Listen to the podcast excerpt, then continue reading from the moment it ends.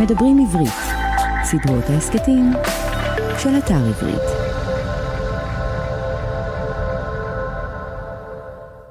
שלום, אני רפי טופז ואתם מאזינים לסדרת ההסכתים כותבים עברית של אתר עברית. סדרה זו היא חלק ממדברים עברית, ערוץ ההסכתים של האתר. מדי פרק נפגוש סופר או סופרת ונדבר על הרצון או הדחף לכתוב, על החיים עצמם ושלל עיסוקים אחרים. והיום אני שמח לארח את הסופר שי אספריל. היי שי, נתחיל? נתחיל. אז תקציר קורות החיים של שי, הוא נולד בשכונת נווה שרת בתל אביב, גדל בהוד השרון וכיום גר בתל אביב. הוא בוגר לימודי משפטים וניהול באוניברסיטת תל אביב, וכיום נמנה עם סגל המרצים מן החוץ בפקולטה למשפטים של האוניברסיטה. בעברו היה עיתונאי חוקר בכלכליסט, בין כתבותיו הבולטות תחקיר שחשף לראשונה את פעילותה של חברת הסייבר NSO. בשנת 2019 פרסם את רומן השופט, וזכה בפרס היצירה לסופרים עבריים על שם ראש הממשלה לוי אשכול. ספריו, עוד מעט החורף מתחיל, שהיה קובץ סיפורים, אגרוף, השופט, וספרו האחרון שיצא לאחרונה, אילו נולד איטלקי. אז אה, שלום רב שי, וכיף לארח אותך, והאמת שעניין אותי, עוד לפני שנצלול ממש לכתיבה וקריאה, מעניין אותי אה, דווקא העבודה שלך כעיתונאי חוקר והתחקיר של NSO. איך, איך בכלל הגעת לזה ואיך אה, איך, איך בכלל חשבת ללכת לכיוון הזה? אז קודם כל תודה על האירוח. אה, אני באמת הייתי עיתונאי חוקר שמאוד התעניין אה, בממשק אפשר אה, לקרוא לזה כך בין טכנולוגיה עולם העסקים החברה באופן כללי. והייתי כותב תחקירים שעוסקים בחברות או באנשים שנמצאים מתחת לרדאר אבל הפעילות שלהם עשויה לעניין את הציבור. שיש להם אולי השפעה מסוימת על, על הציבור. בהקשר של NSO זה התחיל לגמרי במקרה אני עבדתי בכלל על uh, כתבה שקשורה לחברה אחרת ו, וכשעיינתי במסמכים שקשורים לאותה חברה גיליתי איזשהו הסכם הלוואה מוזר בין אותה חברה לבין חברה שלא שמעתי על שמה בשם NSO NSO היא זו שהלוותה בעצם uh, את הכסף. Uh, ותהיתי מה זה אותה NSO ואז באמת התחלתי לגשש. ו...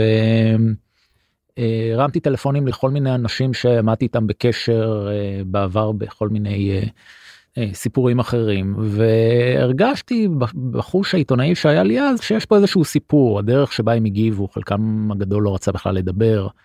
ולאט לאט התחלתי להיכנס לסיפור והבנתי שיש פה איזשהו סטארט-אפ אז הוא היה עוד סטארט-אפ חברה יחסית צעירה. אני חושב שכשהכתבה פורסמה החברה הייתה בת פחות משנתיים. אבל שיש להם מוצר טכנולוגי מאוד מאוד uh, מתוחכם. Uh, ותוך כדי העבודה על, ה, על הסיפור התחלתי להבין גם שיש פה פוטנציאל uh, שהמוצר הזה הוא כה מתוחכם עד ש... ו, ומצד מצד אחד ומצד שני הוא לא מפוקח מספיק מן הצד האחר עד שיש פה פוטנציאל לאיזשהו לאיזושהי דרמה. אה, וזהו בשנת 2012 פורסם הסיפור על NSO אה, הוא אני לא חושב שהוא קיבל הוא לא זכה הוא לא היכה גלים אה, כפי שאולי היום היינו מצפים אני חושב שהסיפור לא לגמרי הובן עד הסוף כי זה היה סיפור על חברה סיפור מאוד עסקי. סוגיית הפרטיות הייתה פחות בכותרות מאשר כמה שנים מאוחר יותר. ורק ב-2016 כמדומני כשהיו פרסומים בחו"ל על הפריצה של אה, אה, של הפגסוס בעצם אה, המוצר של של NSO לאייפון של פעיל זכויות אדם אז בעצם העניין התחיל לתפוס תאוצה. זה מעניין בעצם כתיבה עיתונאית בטח סוג כזה של כתיבה זאת חוויה מאוד מאוד שונה מה, מהכתיבה, אתה יודע, שאתה כותב אה, רומן ואתה יושב לבד וכותב אה, בעצם ואף אחד אה, לא מעורב במה שאתה כותב, ופה יש כל הזמן, תוך כדי כתיבת הכתבה, המון המון סוגים של תקשורת ומשאים ומתנים, ו... והמוצר בעצם מורכב מאותו תהליך של כל הזמן סוגים של תקשורת. נכון, מצד אחד הסיפור באמת נבנה תוך כדי תקשורת עם גורמים אחרים. אה, מן הצד האחר אתה כן פועל לבד במובן מסוים כלומר אתה בעצם אה, זה שמזהה את הסיפור ואתה כגורם שנמצא במערכת לפחות במקרה שלי אה, אתה די ניצב כמי שמנהל את כל, ה, את כל האירוע. אתה זה שמזהה את הסיפור אתה זה שיוצר קשר עם מקורות אתה זה שבעצם משיג מידע כזה או אחר שכותב את הסיפור. בשלב מאוחר יחסית העורכים נכנסים לתמונה והיועצים המשפטיים המשפטיים אבל בסופו של דבר עדיין יש איזשהו מימד של בדידות גם בכתיבה עיתונאית מהסוג שאני הכרתי של אדם ש, של עיתונאי שבעצם אה, מתעניין באיזשהו סיפור ומתחיל לצלול לתוכו מבלי באמת לדעת איך הוא ייגמר אגב במקרה באופן באופן די דומה במובן הזה לכתיבה הספרותית כי גם כשאני כותב אה, אה, רומן או, או סיפור קצר אני לא באמת יודע איך הוא יסתיים. ואם באמת נחזור אני אוהב לדבר עם אנשים ולהתחיל איתם דווקא מה, מהילדות ומהקריאה. אז אה, נחזור שם באמת אחורה רגע ואתה בתור ילד שגדלת בנווה שרת אתה היית ילד שקרא? כן אני אני למדתי בבית ספר שלצידו אה, הייתה ספרייה מאוד. אה, אז היא נראתה לי מפוארת היום ביקרתי שם לפני כמה שנים היא נראתה לי פתאום יותר קטנה אבל כן. אז אני מאז שהתחלתי לקרוא אה, עניין הקריאה ילך עליי קסם מסיבה מסוימת שלא הצלחתי להבין אז ואני גם לא בטוח שאני מבין היום. ואני זוכר שאחרי אה, בית הספר הייתי אה, הולך לספרייה כלומר הייתי חוזר הביתה אוכל ארוחת צהריים אבל הייתי חוזר לספרייה והייתי יושב שם שעות ארוכות כלומר הייתי יושב בספרייה אני זוכר את השטיחים מקיר לקיר את הכיסאות הנמוכים שהייתי יושב עליהם והייתי קורא. ובעצם אה, אימא שלי שזיהתה את חדוות הקריאה שלי באותן שנים התחילה לקנות לי ספרים הרבה מאוד ספרים בבית לא לא לא היו קוראים ספרים אבל אה, אימא שלי מאוד תמכה בתשוקה הזו אה, כבר מגיל צעיר. וככה מצאתי את עצמי קורא הרבה כילד קראתי הרבה מאוד. ומכאן אני יכול להתחבר גם לעניין הכתיבה. המחנכת שלי בכיתה א' וב' פרסמה ספר ספר uh, שמיועד לבני הנעורים, לנערות יותר נכון. אני חושב שזה היה כשהייתי בכיתה ב'. ותחשוב על הילד שבעצם הולך כל יום לספרייה ורואה בספרים משהו כמעט קדוש, ואז פתאום הוא מגלה שהמורה שלו, שהשם שלה uh, מתנוסס על, על כריכה של ספר, כלומר היא כתבה את הספר, זה, זה הקסים אותי בצורה שאני, אתה יודע, זה עבר ליד רוב, ליד כל שאר הילדים כאילו כלום. ואותי זה ואותי זה הקסים ואני זוכר שביום שגיליתי את זה הלכתי הביתה ואמרתי אני גם רוצה. אני בכיתה ב'. כן והתחלתי לכתוב איזשהו סיפור קצר אני זוכר שבאחת המחברות. ומשם זה התחיל כלומר המשכתי באמת לכתוב כלומר הייתי חוזר הביתה לפעמים הייתי קורא אבל הייתי גם חוזר אה, בשעות אחר הצהריים הייתי כותב סיפורים. אה, אז נושא הקריאה והכתיבה אצלך באמת היה מתחילת מכיתה א', זאת אומרת, ממש היית... אני הייתי, אה, זה, זה, זה משהו אה, שאתה, ש, שהוא מאוד מעניין וגם אפשר אה, לשמוע אה, אה, אנשים שעוסקים בסוגים אחרים של אומנות, אנשים שפתאום מתחילים לצייר או שפתאום המוזיקה, יש לי איך מוזיקאי וזו גם שאלה כאילו איך פתאום הדבר תפס אותו. וכן, אה, כיתה א', עניין הקריאה נראה לי כדבר, בזמנו נראה לי כדבר כאילו שמשך אותי אליו שם אני צריך להיות.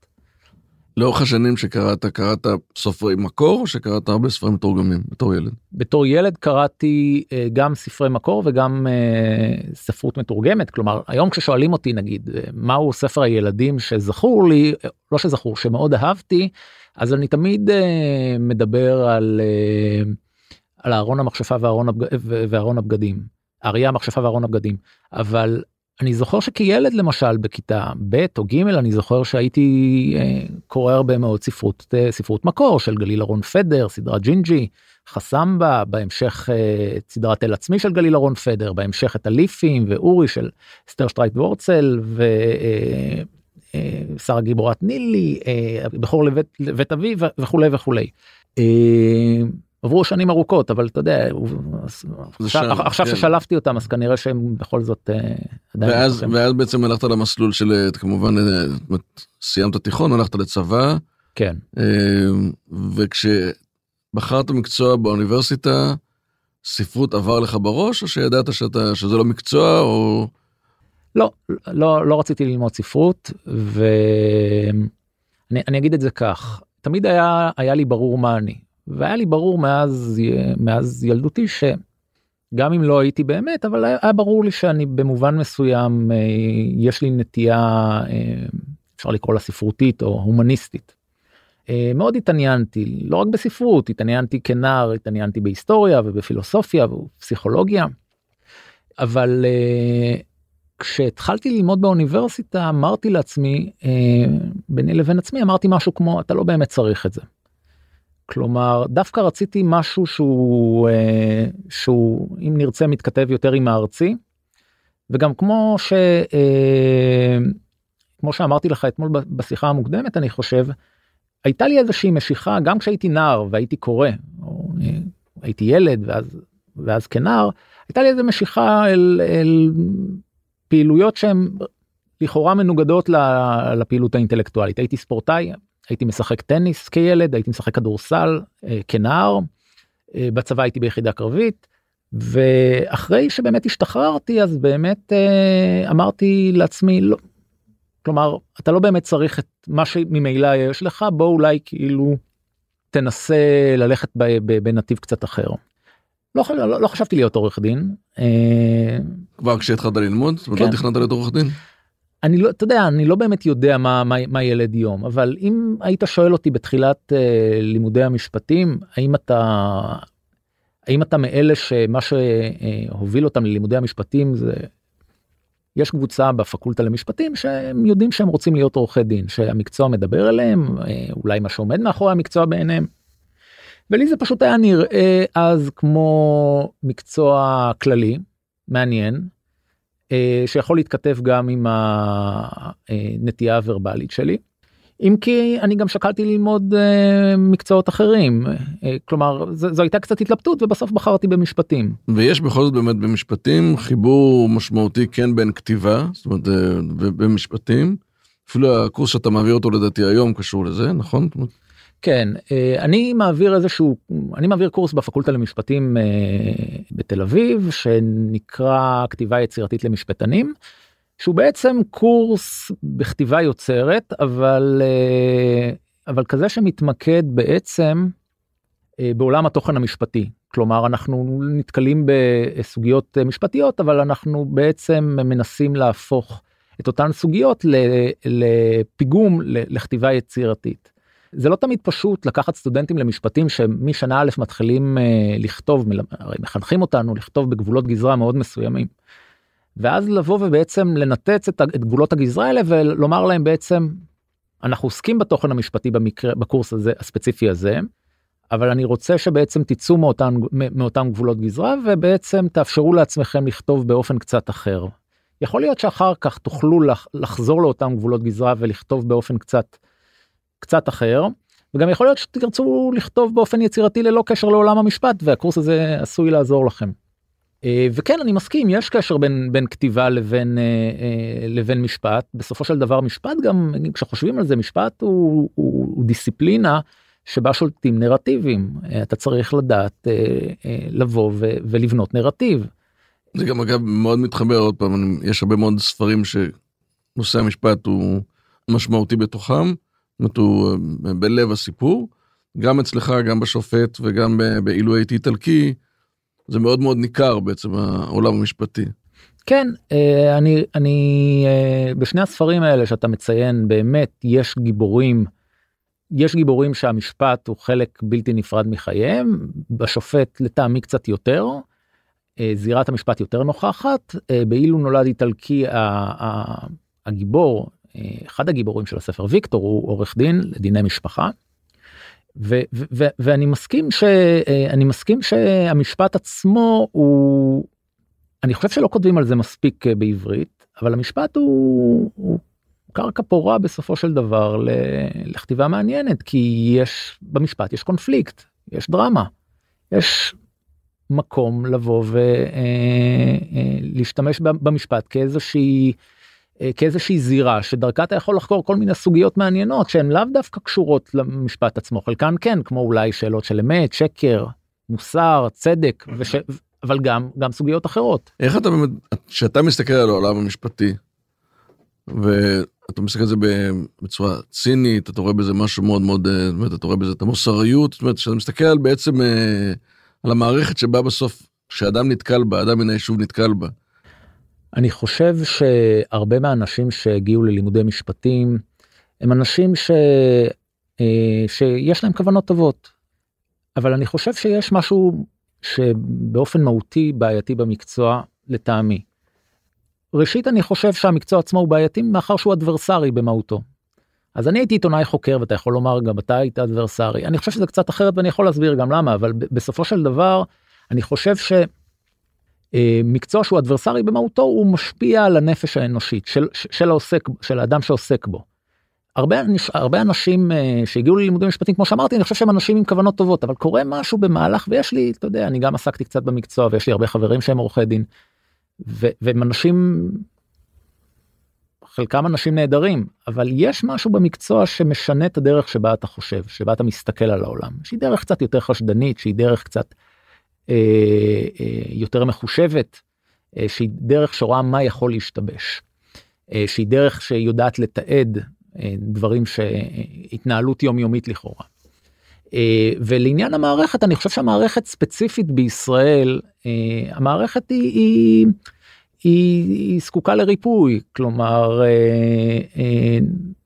כל מי שדרך בבית משפט כבעל דין בוודאי כעורך דין הרגיש על בשרו שהמערכת לא פועלת כמו שאולי היינו רוצים יש עומס בלתי נתפס הרבה פעמים אנשים נכנסים בגלל שהם מבקשים איזשהו סעד אבל בסופו של דבר הם נגררים שנים בבית משפט ובסופו של דבר שולחים אותם להגיע לפשרה כי השופט לא באמת יכול להתעמק בתיק כי יש עליו עומס בלתי סביר.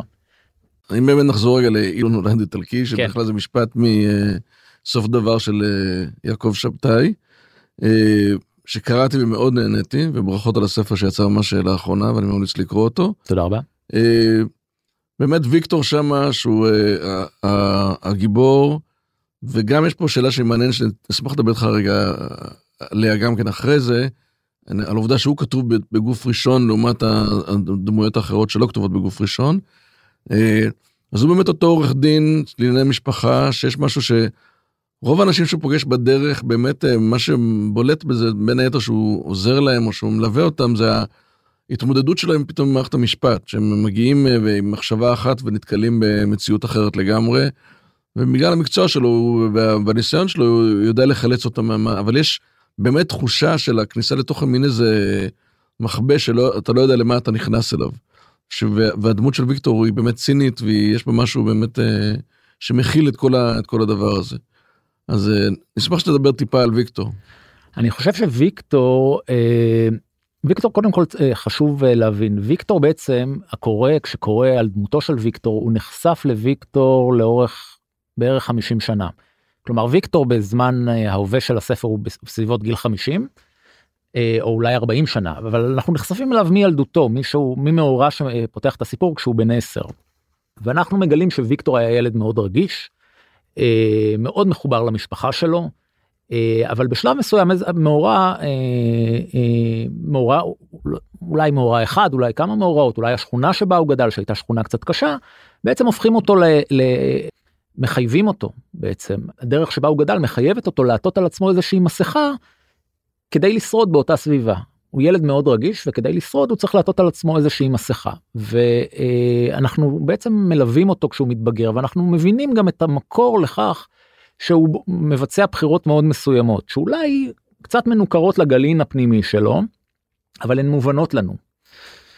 ואז הוא מוצא את עצמו באמת בבגרותו ו- ויש גם איזה מאורע בילדות שבעצם אולי מסביר את הבחירה במקצוע המשפטים אבל אה, אנחנו מוצאים אותו כעורך דין. ואז אנחנו מבינים אנחנו רואים שהוא הופך לעורך דין ציניקן ועוסק בתחום שהוא עצמו אומר שזה התחום הכי בזוי בעולם המשפט שזה דיני משפחה הוא מייצג אנשים בשנאות המשפחתיות שלהם, אה, בסכסוכים ובמריבות אה, בין בני זוג לשעבר, בין אחים שנלחמים על ירושות וכדומה. אה, יש פה עוד איזשהו דיסוננס או איזושהי סתירה אולי מובנית שהוא עצמו עומד עליה, שהרי הוא תמיד אמר על עצמו שהמשפחה שלו זה הדבר הכי חשוב לו. הוא אוהב את הוריו אהבת נפש, את אחיו הוא אוהב אהבת נפש, ובכל זאת זה המקצוע שהוא בחר לעצמו. ואני חושב ש... כמו שאמרת ויקטור אכן הופך להיות עורך דין ציניקן אבל דווקא בגלל שהוא בא שהגלעין הפנימי שלו הוא אותו ילד רגיש. הוא כן מאפשר לנו בעצם להסתכל על המערכת מתוך נקודת המבט של אה, בעל הדין שאולי סובל ממנה. כלומר הוא ציניקן והוא יודע להשיג מה שהוא רוצה עבור הלקוחות אבל הוא יודע מה נכון ומה לא נכון ומה טוב ומה לא טוב ומה בסדר ומה לא בסדר. והוא גם אומר בשלב מסוים משהו כמו בתחילת הדרך אה, בסדר אה, שיתפתי עם זה פעולה אבל היום אני לא צריך את זה יש לי מספיק כסף וכו' וכו' ואני אומר להם עזבו אל תיכנסו למערכת אם אתם יכולים.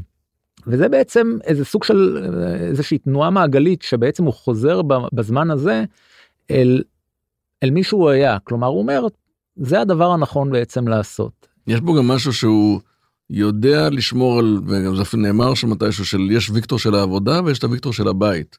נכון אז זה באמת אה, זה באמת אה, אחד המאפיינים של הדמות של ויקטור ויקטור הוא אדם חצוי. הוא כל הזמן הילד ועורך הדין אם תרצה. כלומר יש את הילד שהפך להיות גבר ונגיד מאוד דואג לאמו מאוד דואג לאחיו. המשפחה עבורו אוהב את הבת שלו המשפחה עבורו זה בסופו של דבר משהו מאוד מהותי אה, ומרכזי בחייו והוא מכיר בחשיבות שלה מצד שני ויקטור של העבודה הוא אדם שאומר רגע אה, אני עכשיו אה, כמו כזה מעין להבדיל אבל כמו סופרמן כזה שפתאום מחליף בגדים והוא פתאום אדם אחר.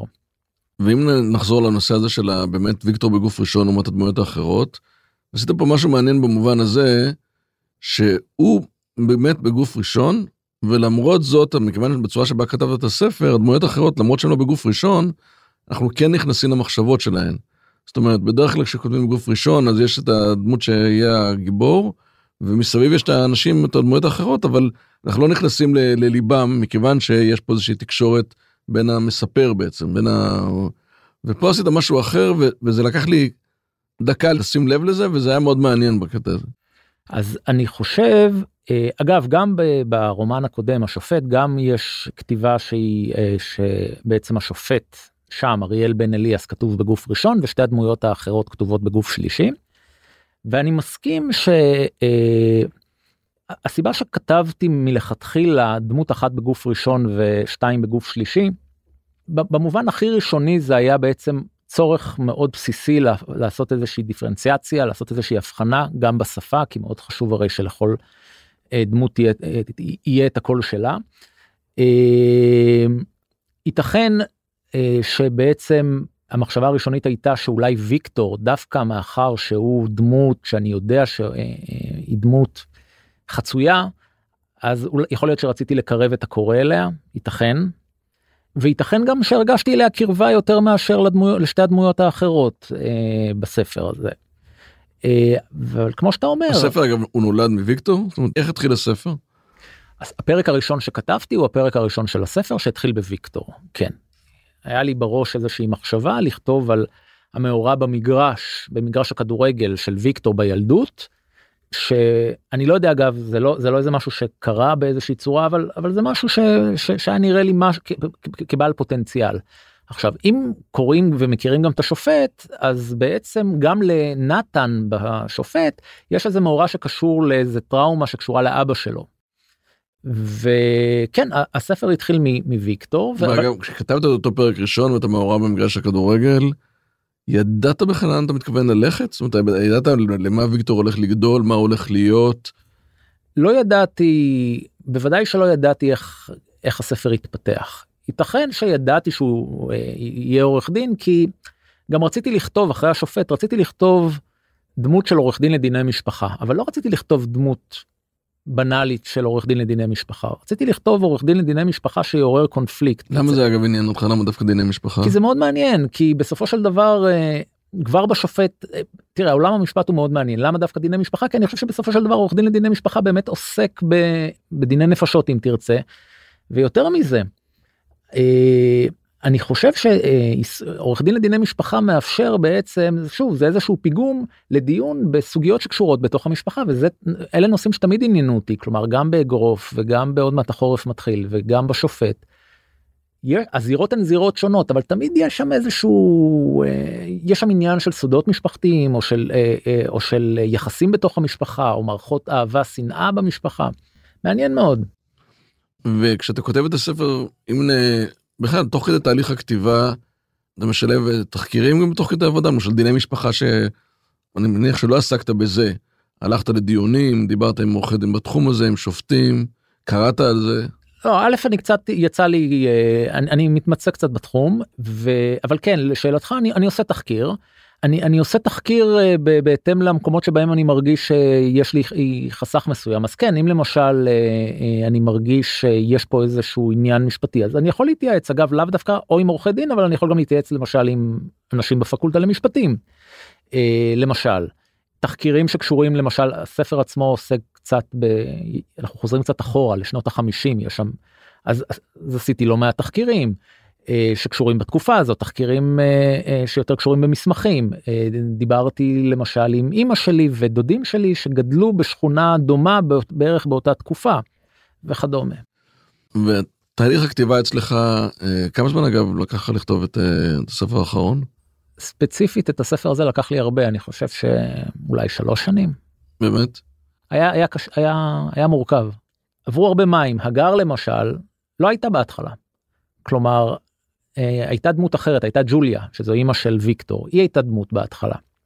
והייתה שם עוד איזושהי דמות שבכלל כאילו הגיעה בדלת האחורית והחלטתי להוריד אותה ב, אה, בשלב יחסית מתקדם. אה, זה, זה לקח קצת. ושאתה מנהל באמת תהליך של שלוש שנים של כתיבה, שזה הרבה זמן אה, לסופר מנוסה.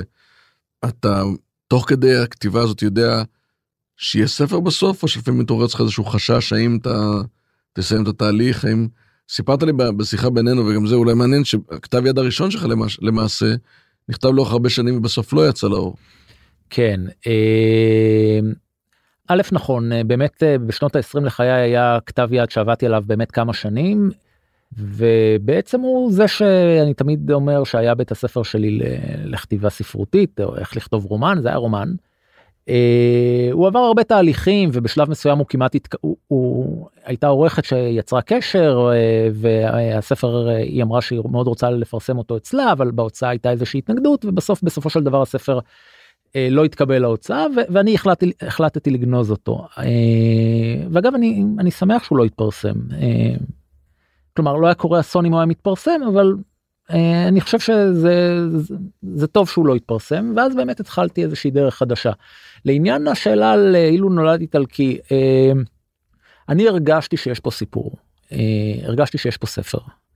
אה, אבל מאחר שבאמת מדובר בשלוש שנים אז אה, מן הסתם יש רגעים שאתה שואל את עצמך כן האם יכול להיות ש...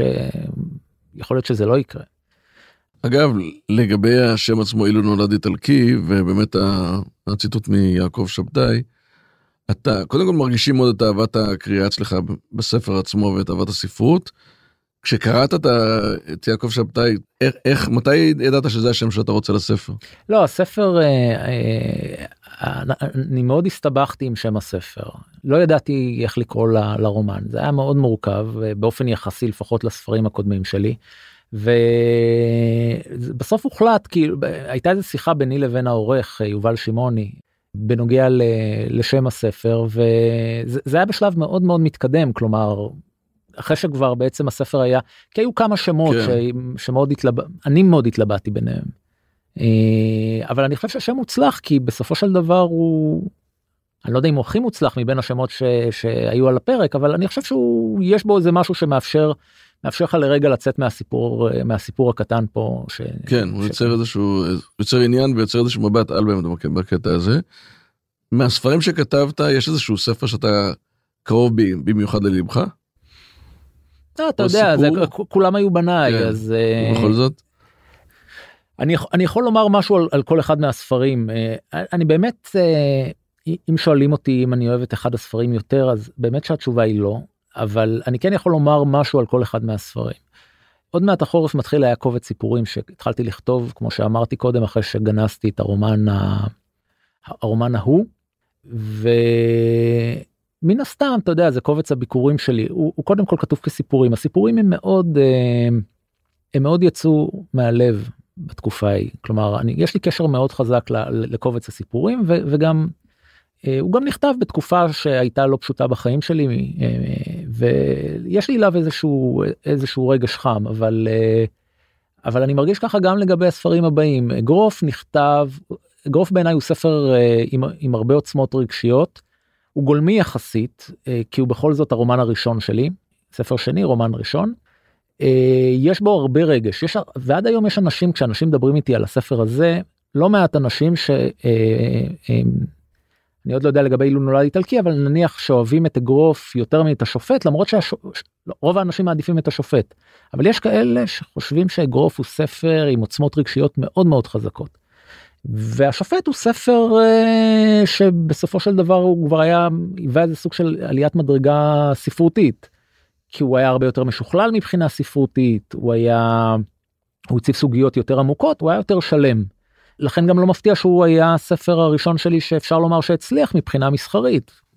טוב הספר האחרון אה, אגב כשספר יוצא לאור אני מאוד אוהב את הספר האחרון כן, אני ש... מרגיש מאוד מאוד מאוד קרוב לספר האחרון ו- והכוח של אני יכול לומר שאילו נולד איטלקי להבדיל מהשופט בשופט יש עלילה מאוד uh, מפתיעה יש שם איזה אירוע מחולל שהוא מפתיע וסוחף.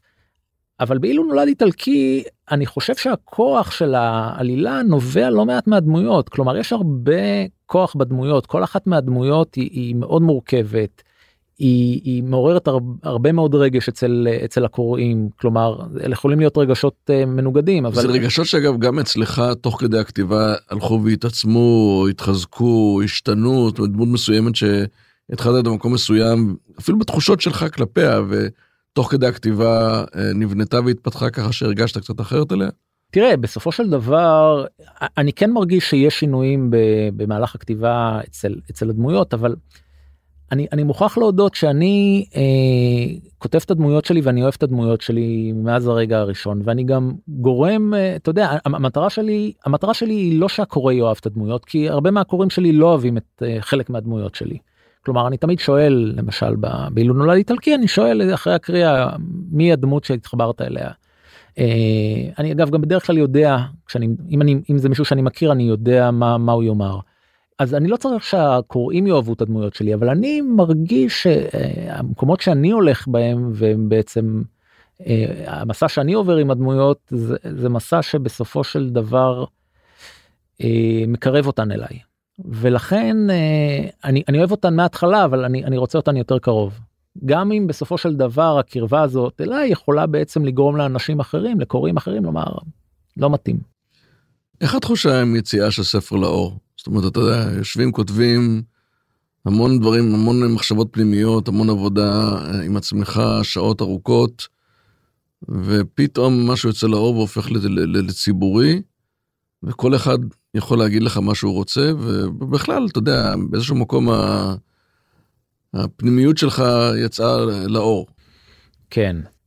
הרומן זה, אה, זה יצירה מאוד חשופה, לפחות במקרה שלי. אה, כמובן שלא כולם אה, יכולים להבין עד הסוף באיזה מובן היא חשופה.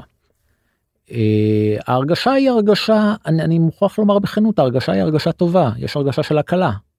כלומר אתה יושב לבד ובסופו של דבר כתיבה של רומן זה לא באמת רק לכתוב סיפור זה בעצם אה, אה, לבוא ולדבר עם עצמך במשך כל כך הרבה זמן לנסות להבין את העולם באמצעות הכתיבה ואתה עובד על זה כל כך הרבה זמן ואז אתה מוציא את זה. אז קודם כל יש הקלה מאוד גדולה. צעד ההקלה אה, מן הסתם אתה אתה מאוד דרוך אתה רוצה לדעת איך הספר יתקבל אתה סקרן אני לא אני אני יודע שלא מעט אנשים אה, יציאה של ספר מלווה אצלם בחרדה.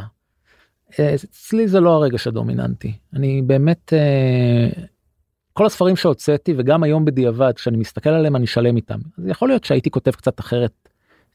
ספר א' או ב' או ג' כי מן הסתם תמיד מבט בדיעבד מאפשר לך לראות דברים שלא ראית בזמן אמת אבל ההבנה שלי שזה הדבר שהיה נכון לתקופתו. ובלי ספר הספר הראשון לא היה הספר השני ו... וכן הלאה. אז גם עכשיו הספר יצא אני מרוצה מאוד. מאיכשהו והדרך שבה הוא התקבל היא, היא פחות משפיעה על הרגש שלי כלפיו. ואחרי שהספר יוצא אתה מיד חושב על הספר הבא מה מאיר בך את הספר הבא יש לך כבר עכשיו יש לך מחשבות. אה, אני חושב שזה תלוי אני זוכר שנגיד את השופט אה, כמדומני התחלתי לכתוב אה, כש כשאגרוף לדעתי עדיין לא יצא. וכנ"ל גם אני חושב שאילו נולד איטלקי התחלתי לכתוב אותו בערך כשהשופט יצא אז כלומר בזמן הזה כבר התחלתי בפרויקט. והפעם לא הפעם אין לי אני אני מרגיש אני מרגיש שתעבור איזה תקופה מסוימת עד שאני אתחיל בפרויקט חדש. טוב נעבור לשאלון קצר בשמחה. בוקר או ערב? בוקר ללא ספק. בוקר מוקדם? בוקר מוקדם. מוסיקה או שקט? מוזיקה אבל בכתיבה שקט. ואיזה סוגי מוזיקה? אה, מאוד מגוון אבל אה, זה יכול לנוע בין פולק לבין רוק ישראלי אה, מ... מימים עברו. ספר או סדרה? ספר. אתה רואה סדרות? כן. חופשה או עבודה?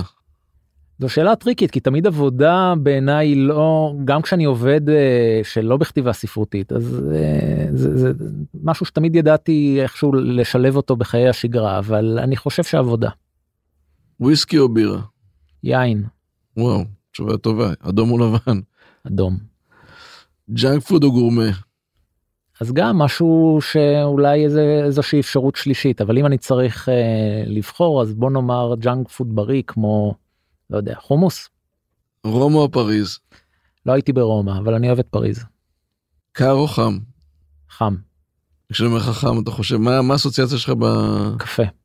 למרות שאתה יודע, זה, אני מהר כאילו שאלתי קיץ חורף, חם קר, קפה, קפה. מטרה או דרך? דרך ללא ספק. והאם תעדיף תמיד להקדים בשעה או לעולם לאחר ב-20 דקות? אני אעדיף לאחר ב-20 דקות. אבל היום הקדמת. מאחר שאני מקדים הרבה פעמים אז נראה לי שלאחר זה איזושהי תכונה נחשקת. שי תודה רבה היה מרתק תודה רבה שמחתי מאוד לארח אותך. גם אני שמחתי להתארח תודה רבה. האזנתם לכותבים עברית סדרת ראיונות עם סופרות וסופרים במסגרת ערוץ ההסכתים של אתר עברית. באתר עברית תוכלו למצוא אלפי ספרים בכל הפורמטים דיגיטליים קוליים ומודפסים וגם כמובן את הספרים של שי אספריל. להתראות בפרק הבא. האזנתם לדברים עברית, סדרות ההסכתים מבית אתר עברית, חנות הספרים הדיגיטליים, מודפסים והקוליים הגדולה בישראל. ספר זה וספרים נוספים מחכים לכם באתר עברית.